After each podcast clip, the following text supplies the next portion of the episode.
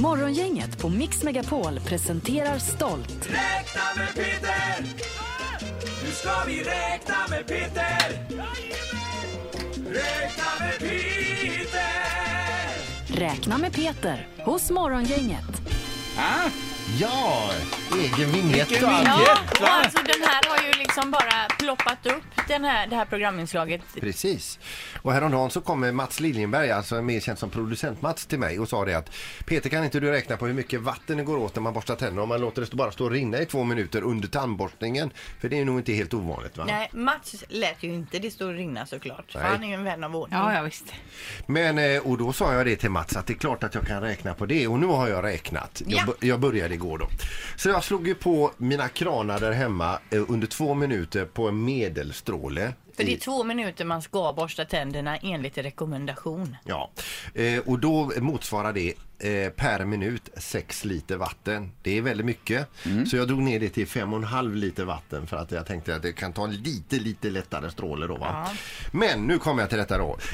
Under två minuter så gick det på åt 11 liter, eh, eh, 11 liter vatten då till en så kallad tandborstning. Och alla i Göteborg eh, gör den här tandborstningen både eh, både eh, morgon och kväll så motsvarar detta alltså 12 060 kubikmeter vatten per dag.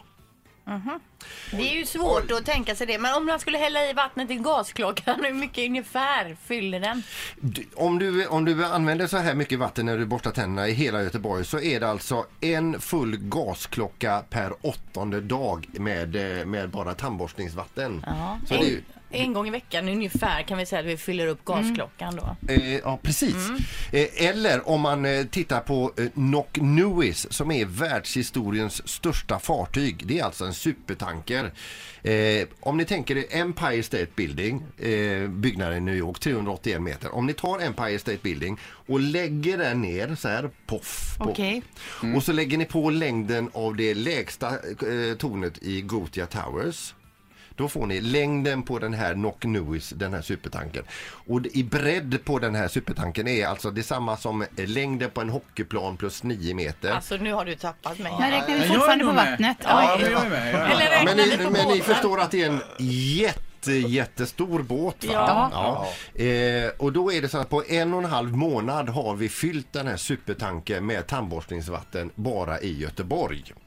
Nu räknar jag på landet Sverige här där vi då eh, 9 858 794 invånare för, ja, för, för ett litet tag sedan. Eh, om vi slår på, eh, denna, på, på hela Sveriges befolkning på ett år eh, i tandborstningsvatten så får vi alltså 80 miljoner kubikmeter eh, eh, vatten. Eh, och Delsjö eh, exem, exemplet här då det motsvarar alltså 6,5 full Delsjön med bara tandborstningsvatten Det är ju sjukt. Som vi bara rå, låter rinna i, ut då. på riket på ett år. Då har jag ett sista exempel här på hur mycket vatten det här är. Om ni tänker er Niagarafallen Ja. Eh, de, de, Niagarafallet har ju tre stycken stora fall med en flödeshastighet på 2 miljoner 400 000 liter per sekund. Säger mig inget. Om vi tar allt vårt tandborstningsvatten i Sverige är ni med? Ja. Under ett år och släpper ut det i Niagarafallen i samtliga tre fallen där så räcker det alltså till Niagarafallen med fullt dånande vrål i 9 timmar och 15 minuter. Oj, Oj, oj, oj. Ja, Ja, det är herregud. sjukt Ja. mycket, sjukt mycket vatten Och som vad vi bara slösar lär, bort. lär vi oss av detta då? Att vi ska stänga av kranen medan vi borstar Ja, tänderna? för att jag räknar också på hur mycket vatten det finns i hela världen. Eh, det finns ute 1400 kubikkilometer vatten och 97 procent av det är saltvatten. Bara 3 procent är sötvatten.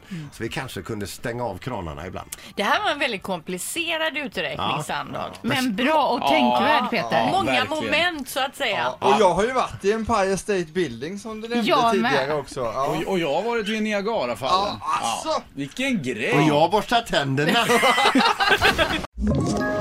Ett poddtips från Podplay. I fallen jag aldrig glömmer djupdyker Hasse Aro i arbetet bakom några av Sveriges mest uppseendeväckande brottsutredningar. Går vi in med hemlig telefonavlyssning och, och då upplever vi att vi får en total förändring av hans beteende. Vad är det som händer nu? Vem är det som läcker? Och så säger han att jag är kriminell, jag har varit kriminell i hela mitt liv men att mörda ett barn, där går min gräns. Nya säsongen av Fallen jag aldrig glömmer på Podplay.